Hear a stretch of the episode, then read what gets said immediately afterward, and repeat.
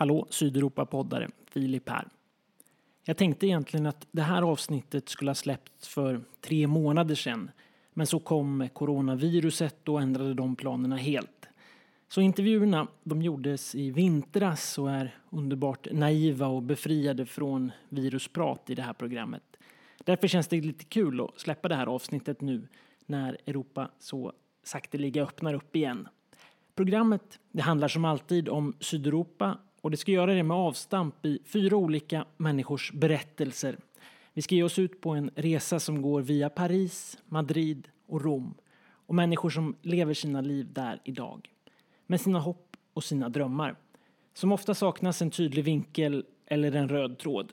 Jag tänker att det kan bli en fin säsongsavslutning och en påminnelse om varför vi älskar och hatar länderna i södra Europa. Det här är Sydeuropa-podden med Filip Jakobsson.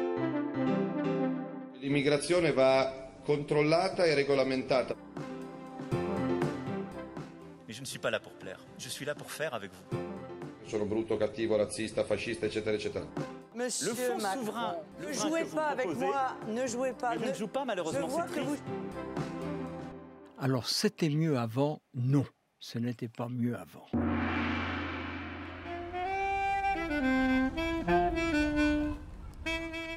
Okej, så det här sista avsnittet av den första säsongen av Sydeuropa-podden det ska vi ta och börja i stadsdelen Pineto i Rom. Där ser du eh, Pasolini förresten. Jag är här med Erik, arkitekt och filmälskare och boendes i Rom sedan mer än fem år tillbaka. För den som inte vet vem Pasolini är så är det en eh, författare, poet, mm, vänster, vad ska man säga, agitator. Han var liksom inte riktigt, han var inte politiker men han hade ju väldigt mycket att säga.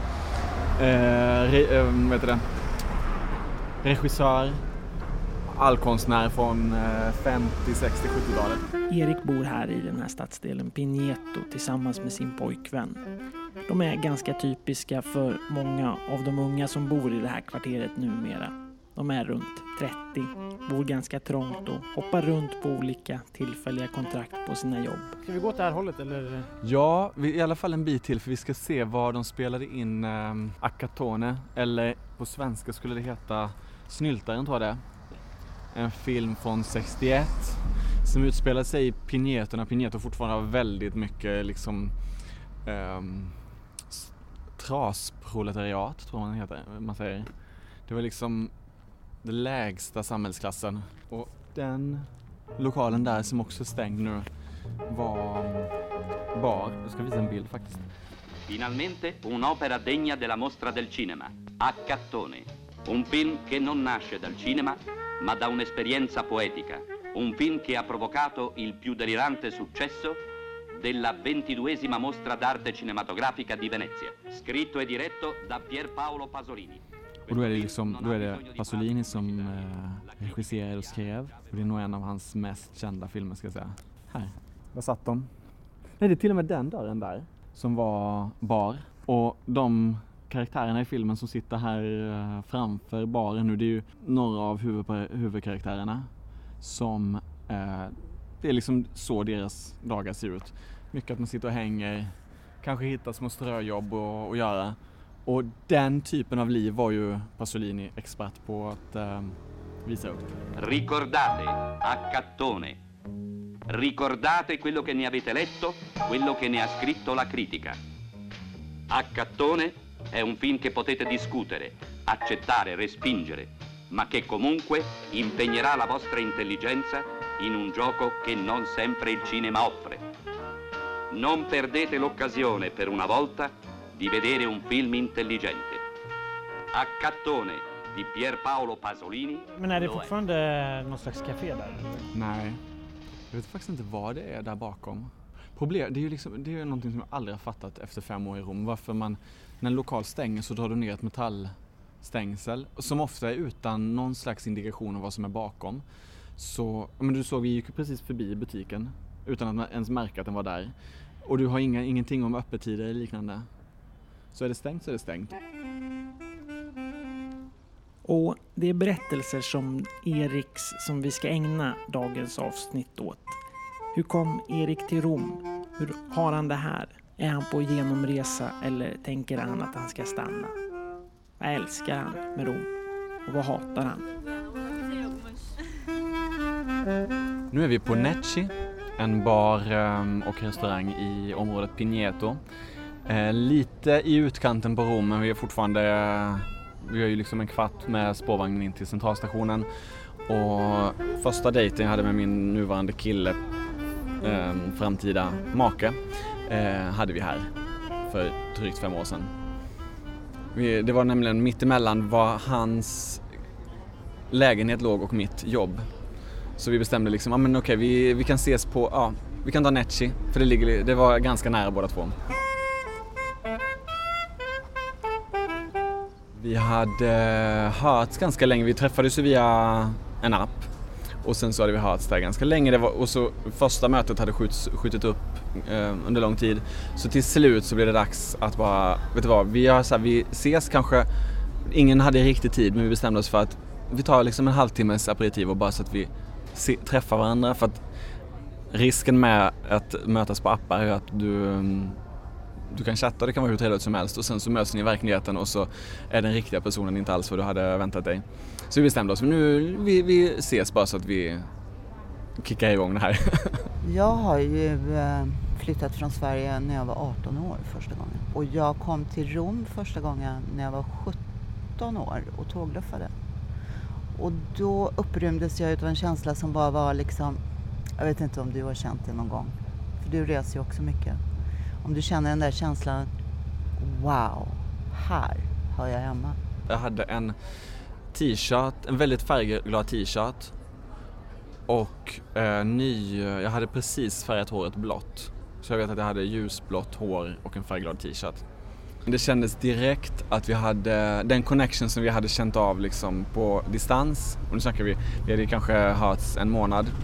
Den fanns eh, i verkligheten också. Sen var det väldigt nära in på att jag skulle flytta tillbaka till Sverige för en period. Så vi bestämde oss för att om vi ska testa det här så provar vi liksom gå all in. Så vi blev ju mer eller mindre sambo efter en vecka.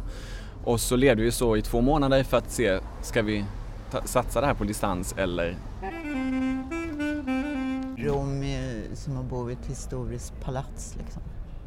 Varenda gränd du går in här så är det ju något nytt som blomstrar upp. Jag åkte från min kompis som bor Vatikanen uppe där på, vad heter hennes område? Och så åkte jag hit då med en taxi och jag bara, ah, oh my god, it's so beautiful. Och förbi Colosseum på natten och allt är upplyst. Och, ja, det är en fantastisk stad. Vi hade väldigt mycket samma våglängd. Vi, kan, vi insåg ganska tidigt att vi kunde kommunicera med väldigt få ord och ändå förstå varandra. Eh, och det gjorde dels att vi kunde liksom, vi hittade vår våglängd, även när vi var med andra människor så hade vi liksom alltid någon slags, det låter nästan siamesisk eh, kontakt, men det hade vi.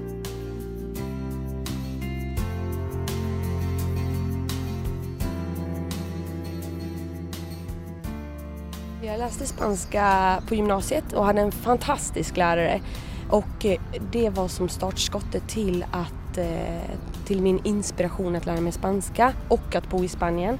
Ehm, för med henne och med min eh, klass då så åkte vi på ett utbyte i två veckor till Spanien, just till norr om Sevilla, till en liten by. Eh, och bodde hos en familj eh, med en tjej som Isabel då, spanjorska. Hon pratar knappt ett ord engelska och jag jättelite spanska. Men vi kunde ändå kommunicera genom språk, kroppsspråk och mimik. Eh, ehm, och, det, och det var en fantastisk upplevelse. Det var min första, första gången jag bodde i, eh, Spanien. Det var ju bara två veckor men det var, en, eh, det var jättehäftigt att få komma in i en spansk familj i den här lilla byn. Och sen var vi också till Sevilla eh, några dagar. Och, så det var, det var en fin upplevelse. Och, sen, och då, där och då bestämde jag mig att i Spanien ska jag verkligen bo igen i framtiden och lära mig spanska. Och det har jag sett till nu på tio år att det, nu, nu kan jag spanska. Så det känns bra. Har du någon kontakt med Isabel? Jajamän, hon bor faktiskt nästan granne med mig. Hon bodde i Bilbao, norra Spanien, några år. Och jag har ju bott lite fram och tillbaka men sen så, så ringde jag henne och då hade hon flyttat till Madrid precis eh, något år innan jag kom hit. Så det var, det var väldigt kul, överraskande. Så att vi umgås. Och nu eh, kan vi kommunicera mycket bättre på, på spanska och så pluggar hon även lite engelska så det, hon kan hon vill träna språket.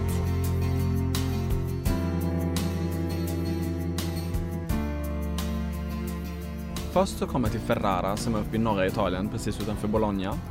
Och det var med universitetet som jag gjorde ett Erasmus-utbyte. Och ehm, började liksom hänga ganska mycket i Rom direkt. Eh, lärde känna lite, liksom, med tiden så lärde jag känna en del kompisar här så jag åkte hit nästan en gång i månaden och blev störtförälskad i själva stan. Så när jag sen liksom skulle, hade avslutat eh, utbytesåret skulle flytta tillbaka till Sverige igen så kände jag inte riktigt för det så jag tänkte jag kan ju testa liksom att praktisera i Rom istället. Eh, och så, så började det. Min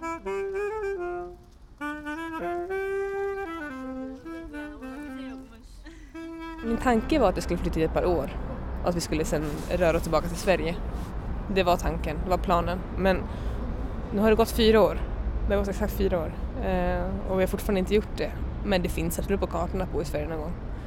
Eh, men det är klart, så länge vi trivs här så är situationen just nu. Så länge jag gör det så kommer jag vara här. Och just nu så trivs jag jättebra i Madrid. Jättebra. Det här är hemma.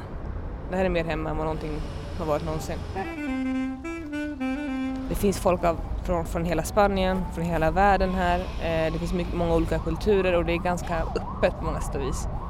Eh, om man jämför med andra städer. Inte om man jämför med Stockholm, absolut inte. Men eh, om man jämför med andra städer i Spanien.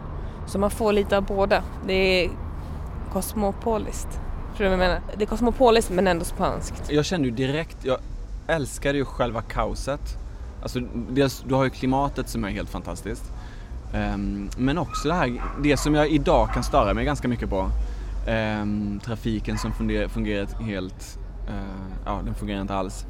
Um, all, ja men till exempel all illegal stadsbyggnad, den tyckte jag var ganska fascinerande i början.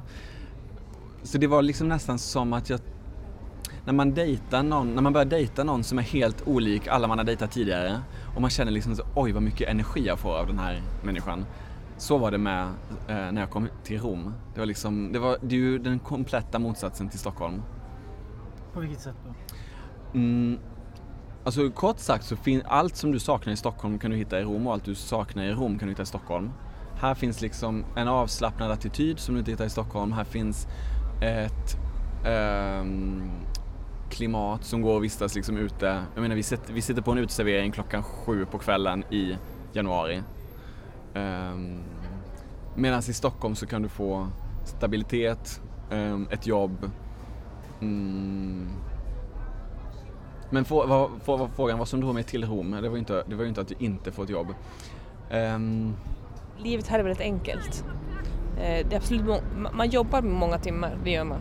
Men man tar saker lite mer med klackspark, skulle jag säga, än i Sverige. Men jag tror att liksom känslan av att väldigt mycket som, som verkar väldigt viktigt i Stockholm är inte så, det, det pushas inte så hårt på det i Rom. Här är det ingen som bryr sig om vad du, har, liksom, vad du ska köpa för lägenhet nästa gång du byter, byter bostad. Um, karriären är liksom, det är inte det viktigaste du har i, i ditt liv. Vad är viktigt för människor här då? Dels familjen, Eh, men också liksom de här små vardagsgrejerna. Att bara mm, att ha kul. Jag menar, om du lyssnar på en konversation här så kan det vara ganska banala grejer folk säger ibland, men man skrattar åt det. Det är liksom, det finns inte så mycket prestige. Livet är billigare här. Eh, alltså det är absolut inte billigt att köpa en lägenhet eller hyrorna här är nästan lika, inte lika svåra som i Stockholm, men nästan lika svåra, alltså svårt att hitta en bra hyresrätt som i Stockholm. Det, det, vi försökte men vi gav upp så vi köpte.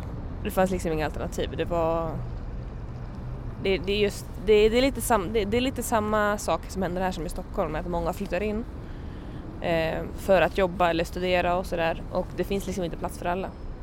Eh, så folk bor hur som bara för att liksom hitta någonstans att bo men det är, jätte, det är jättedyrt med hyror och det är, och så vidare. Men i övrigt, allt annat, eh, som att gå och ta en kaffe eller gå och ta en öl eller sådär, det kostar liksom en femtedel mot, mot Sverige.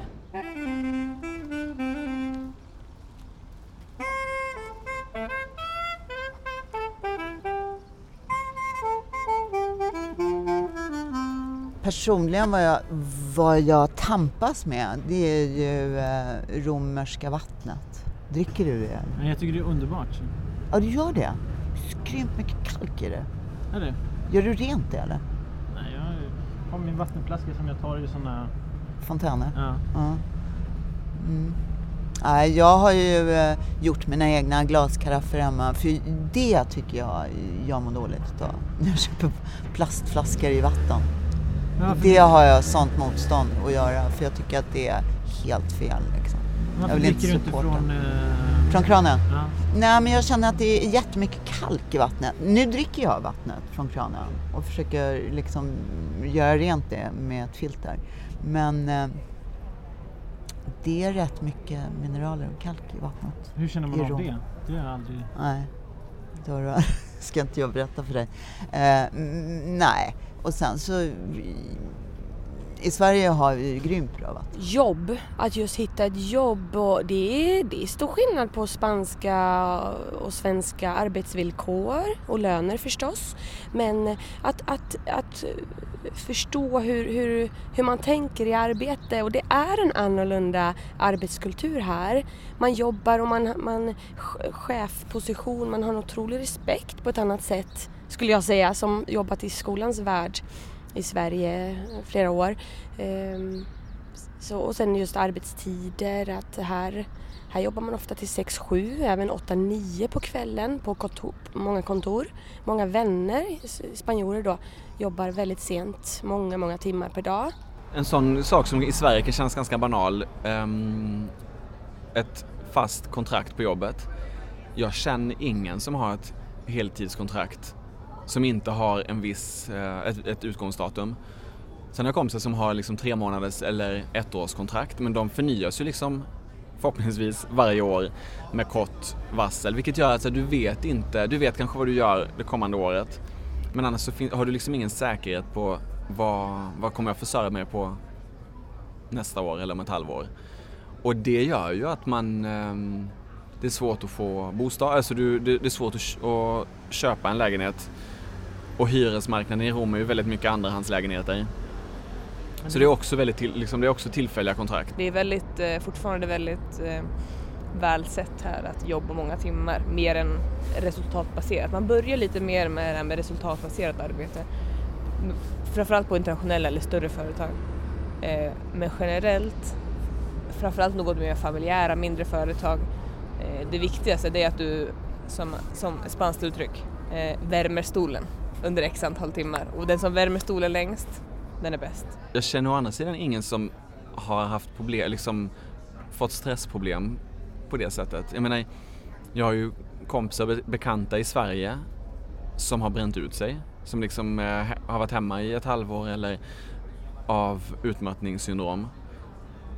Och det av någon anledning som jag inte riktigt har kunnat förstå än är ju väldigt annorlunda i, om, om du jämför Sverige och Italien.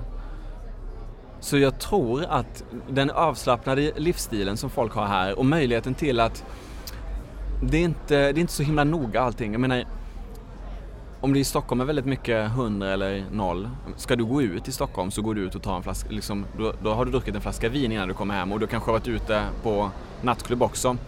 Här kan du ta, jag menar, att ta en sprits på en bar efter jobbet, det är liksom helt naturligt och det kan stanna där. Men det är små, små ljusglimtar som finns liksom mer eller mindre alla dagar och det där tror jag gör att folk har möjlighet att slappna av oavsett liksom vilken långsiktig situation de, de fin- befinner sig i. Det finns ju ett ställe vid Colosseum där du kan hämta renat vatten. Ja just det, men man kan få bub bubblor. Ja, bubblor. man kan få bubblor också. Och det är ju jättebra. Eh, jag försöker väl, det finns ett annat ställe också. Men det finns ju inget här jättenära. Colosseum är inte sådär jättelångt bort. Men ja, jag försöker liksom lösa den eh, biten. I början köpte jag ju vattenflaskor och jag fick, där fick jag ångest. Grym ångest. Så jag liksom, varje gång jag, ah, nej, det går inte. Liksom, kunde inte köpa den där vattenflaskan. Lärare, det, det är väldigt spännande. För att jag upplever i Sverige så jobbar vi, jobbade ju förra året i Göteborg en, en, en sväng där. Ehm, på en skola, på högstadieskola. Och man är mer framåt skulle jag säga vad gäller skolutvecklingsfrågor och hur man tänker kring undervisning i svensk skola.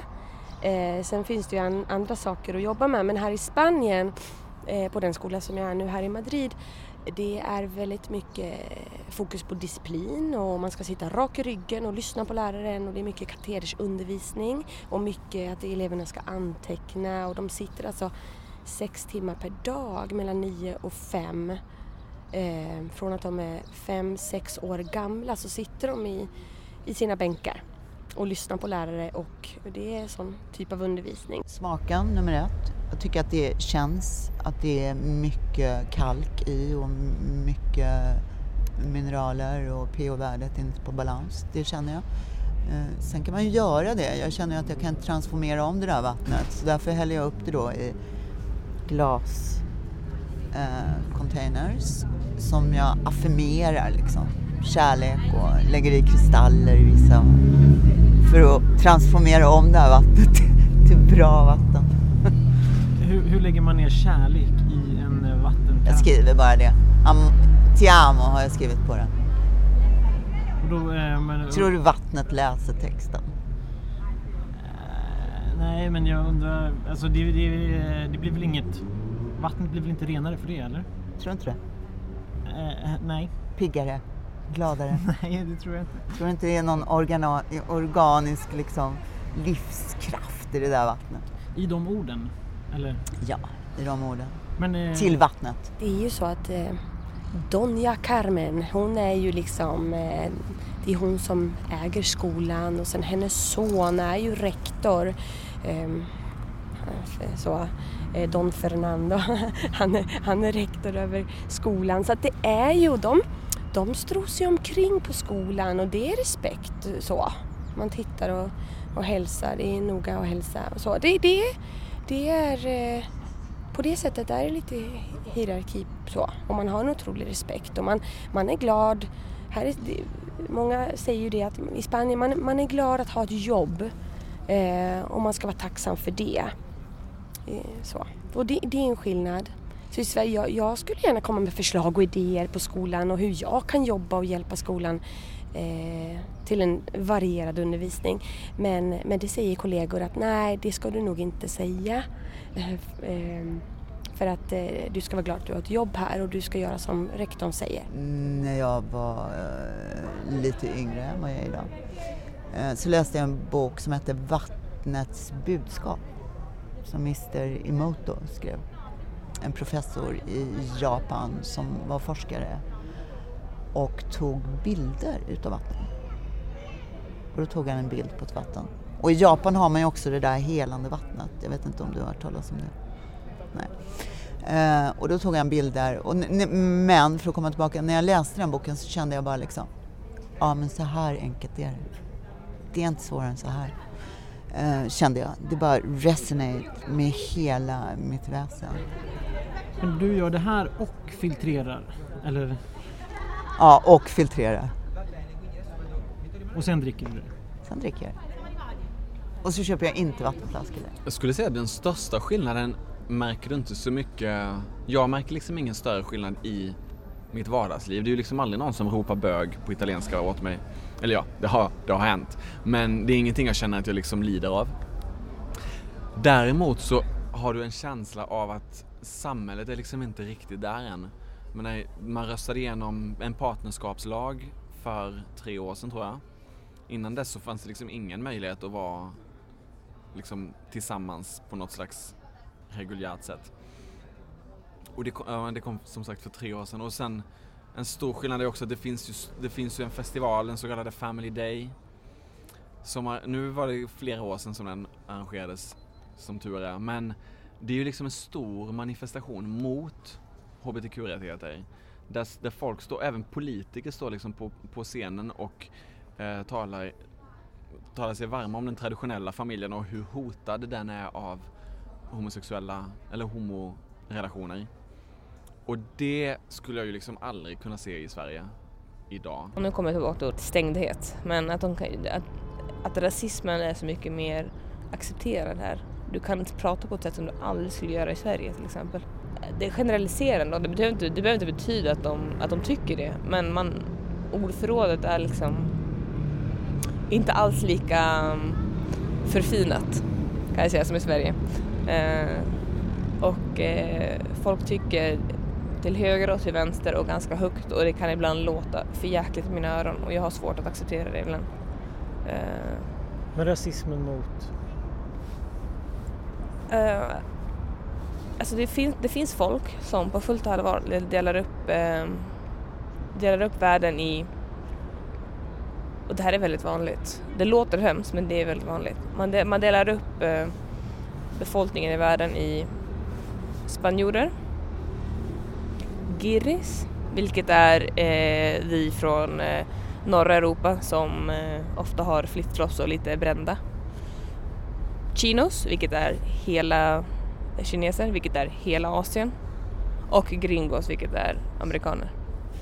Och moros, förlåt, vilket är alla afrikaner. Så delar man upp det så och sen har man sina stereotyper och så är det väldigt enkelt och som, som man slänger sig med på ett sätt som jag inte tycker är okej. Eh, det beror, eh, kanske inte i professionella sammanhang så mycket men ändå på ett sätt som jag inte tycker är okej. Alls. Eh, men eh, det är de väldigt, de är väldigt snabba med att kategorisera person, en person. Det spelar ingen roll om du är indier eller om du är kines eller om du är från Sri Lanka. Nej men that, Chino. Och då är du så här. På ett, annat, på ett, sätt, nej, på ett sätt som är lite så här, äh, lite gammaldags. Liksom. Som i Sverige kanske var för ett tag sedan. Men jag försöker också tänka, alltså grejen är Spanien är en jätteny demokrati. Alltså när jag föddes så var det här ett helt annat land. Rom är alltså, där du har bott så är det det sämsta vattnet. Ja, jag tycker ju det. Men jag, ja, men jag måste ju säga att äh, lägga vattnet i de här glas... Jag är mycket lenare. Du får komma hem till mig på ett vattenprov ändå. Man får säga vattenprovs... Äh, sätta ut sju glas. Man provar vin. Vad är syresättningen och hur mycket kalk har vi här? Och är det någon fosfor? Mineraler? Rent praktiskt så är det ju liksom inte... Det är, liksom, det, det är inte riktigt möjligt. Allt kan man göra om du har väldigt mycket pengar. Då kan man... Um, för det jag menar, det finns ju många, de, de familjer som har, de, de familjer där det är två pappor som har barn, det är ju liksom kändisar eller på något annat sätt väldigt förmögna människor. För vanligt folk så finns det inte, jag menar, du har ingen rätt att adoptera. Um, det finns liksom inte någon legaliserad insemination, eller, det går liksom inte. Sen om vi på något mirakulöst sätt skulle få barn så då måste vi också ha mycket stabilare livsstil. För jag menar, vi har inte fast jobb med kontrakt någon av oss. Um, och du måste ju nästan ha liksom privat dagis och sånt där också. Det är inte så mycket utbyggt, utbyggt um, allmänna dagis och liknande. Vill, men vill du inte ha barn då? Jo, det vill jag. Och det är ju någonting som vi diskuterar. Vi kommer ju, det är därför vi troligtvis kommer behöva flytta någonstans innan vi blir för gamla och liksom verkligen skapa familj. Senast igår så hade vi en, en, en middag med några, med några vänner, några par härifrån som alla har barn. Eh, och det blev jättehetsade diskussioner kring, för nu eh, regeringen här eh, har, mammaledigheten är fyra månader eh, och sen pappaledigheten har varit en månad, sen ökade den till två månader och nu kommer det bli fyra månader så det blir lika. Eh, och eh, kvinnorna i gruppen kan inte förstå för sitt liv varför mannen ska vara hemma fyra månader och han inte heller. De, och de är ändå i våran ålder, de är 35-årsåldern liksom, har två barn. Men varför ska han vara hemma för? Jag har ju en starkare länk till barnet och jag hit och dit och att. Och han samma sak, jag tänker inte vara hemma. Jag tänker skita i den här lagen. Men det, det kommer vara olagligt att ta ut den där nu för alltså regeringen tar så extremt stora steg nu att varje, år, att varje år blir det en månad extra. Att gå från ingenting till det, folk hänger inte med. Så man, vi, saker blir bättre. Saker, ja, bättre eh, från, från min point of view, inte från deras alla. Men eh, det går så extremt snabbt att eh, de förstår inte, de är inte alls med på banan. Eh, inte ens folk i vår ålder. När jag är på skolan och jobbar, om jag har idéer eller just det här jag pratade om innan att jag kanske ta ut elever och jobba mer i mindre grupper och så. Och det det gav, gav, hade jag som förslag så att, vi kunde, så att jag kunde nyttja tiden till, till fullo på lektionerna kände jag att det, det kan jag ge och jobba extra på det sättet. Men det var, det var väldigt konstigt tyckte de att göra på det sättet. Så att det, det, det är någonting, så det är både frustrerande förstås men också eh, jag får ju också tänka att det, det, är jag som kommer hit och jag får anpassa mig till hur, hur saker och ting funkar här. Det är en trötthet jag känner av att starta om på nytt. Jag skulle nog inte riktigt palla, inte nu i alla fall, att verkligen flytta till ett nytt land, starta om liksom på ny kula utan några nätverk eller liknande. Så nu liksom, flyttar vi någonstans så flyttar vi mycket troligtvis till Sverige. Och det, kän, det, det, känns tråkigt att tänka så men det är liksom det enda sättet att se att det skulle kunna funka. Men det är verkligen att säga, ja, ge upp. Vi skulle båda jättegärna vilja bo kvar i Rom men det är som att du har inte du har inte något stöd från samhället att vara kvar? Om jag anställer här till exempel, eh, vi är flera som liksom har behövt anställa och haft situationer där man har två CV framför sig, en tjej och en kille. I Sverige så spelar det inte så stor roll om det är en tjej eller kille på grund av föräldraledigheter för man vet att ja, men båda troligtvis kommer att behöva vara hemma ett tag. Inte i Spanien. En tjej i 30-årsåldern här har inte samma möjligheter. För att arbetsgivaren antar att hon kommer att bli gravid, vara hemma mycket medan mannen inte kommer det och det är därför det är så jäkla viktigt att de börjar ta ut föräldraledigheten. Men problemet är också att företagen hänger inte heller med riktigt och tycker också att det är konstigt och det ses konstigt. Det ses, det ses liksom lite snett på att man, man är hemma om man är man. Det ses väldigt snett på och, och är man hemma så tar man med sig datorn medan kvinnan inte behöver det. Men det skadar ju, det skadar ju kvinnor generellt. Och män, för de vill ju också vara hemma med sina barn egentligen. Borde de, kan jag tycka. Jag har svårt att förstå det där. Vi ska ju gifta oss i sommar, jag och Francesco. Som de vi pratade med igår. Det var en av killarna då som de ska, alltså de ska tillsammans där om tre månader. Nej men eh, varför ska jag vara hemma för? Han jobbar på Ernst Young, han, han går upp klockan tre på morgonen och börjar jobba. Så då skryter om det. Jag tycker inte vara hemma, jag skiter i den där lagen. Varför kan inte vi bara få välja att hon ska vara hemma istället liksom? Så valfrihet i paret och så vidare. Och så vidare. Men om man gör det så kommer alla att göra det de gör. Att hon kommer vara hemma. Vi kommer gifta oss rent formellt i Sverige. Lite som en knäpp på näsan tänker vi. Och det är ju liksom väldigt symboliskt för det är ju ingen, jag vet inte vem som skulle känna av den här knäppen på näsan. Men det känns ändå viktigt att vi gifter oss i Sverige. Vi, går in, vi ingår inte partnerskap i Italien utan vi gifter oss precis som vilka alla andra par som helst. Och sen, men sen när vi liksom väl har fått det här registrerat i Sverige så kör vi själva bröllopsfesten i Italien. Men det är inte bara mannen som det här ligger hos utan det är väldigt ofta kvinnan det ligger hos. Eh, till exempel jag har en, en kollega, eh, hon är 50-årsåldern eh, och henne, hon, hon jobbar, eh, men hon jobbar, ja, hon jobbar sju timmar om dagen. Eh, de har två barn eh, och mannen är arbetslös sedan några år tillbaka. Eh, så de har inte så mycket pengar eh, men samtidigt så kan ju inte, som hon sa till mig en dag, eh, jag kan inte låta min man ta hand om hemmet. Så nu är hennes föräldrar, hon är alltså 50-årsåldern, hennes föräldrar betalar för en tjej som kommer dit varje dag och städar och tar hand om barnen. Fastän han är arbetslös och sitter hemma. Och det är på, hennes initiativ, för hon kan inte låta sin man göra det. Jag tycker Sverige är grymt bra för att där, där har vi bra vatten. Man dricker kranvattnet och all, alla kan ha bra vatten. Man behöver inte köpa vatten där. Behöver man köpa vatten i Rom? Nej, kanske inte. Men det, jag tror att det är många som gör det här. Vattnet i Stockholm? Ska man köpa vatten? Nej. Alltså, ska, man... ska man köpa vatten? Nej, det tycker jag inte. Det blir både min familj från Sverige och Francescos familj och släkt från Italien. Och vänner, både, liksom både från Sverige och Italien.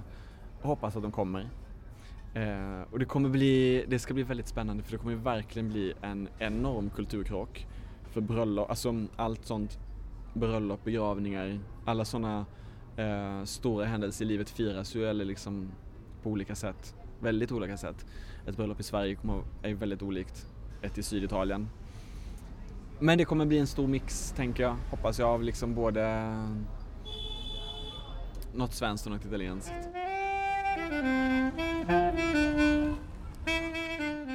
Jag kommer ju alltid säga att jag kommer hem när jag kommer till Älmhult och jag kommer hem när jag kommer till Stockholm och jag kommer hem när jag kommer, kommer till Rom.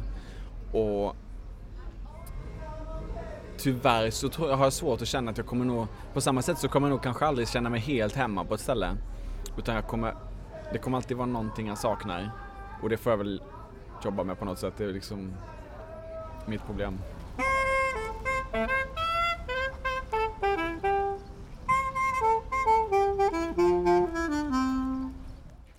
Det här det var det sista avsnittet för säsongen. Den första av förhoppningsvis många fler av Sydeuropa-podden. Jag som är producent och programledare heter Filip Jakobsson och jag är tillbaka med en ny säsong i september. Glöm inte bort att klicka i och prenumerera på programmet i din poddspelare. Gillar du det du har hört? Har du förslag och idéer på vad säsong två borde handla om? Leta reda på mig i sociala medier och skriv till mig där. Nu önskar jag en trevlig sommar och på återhörande.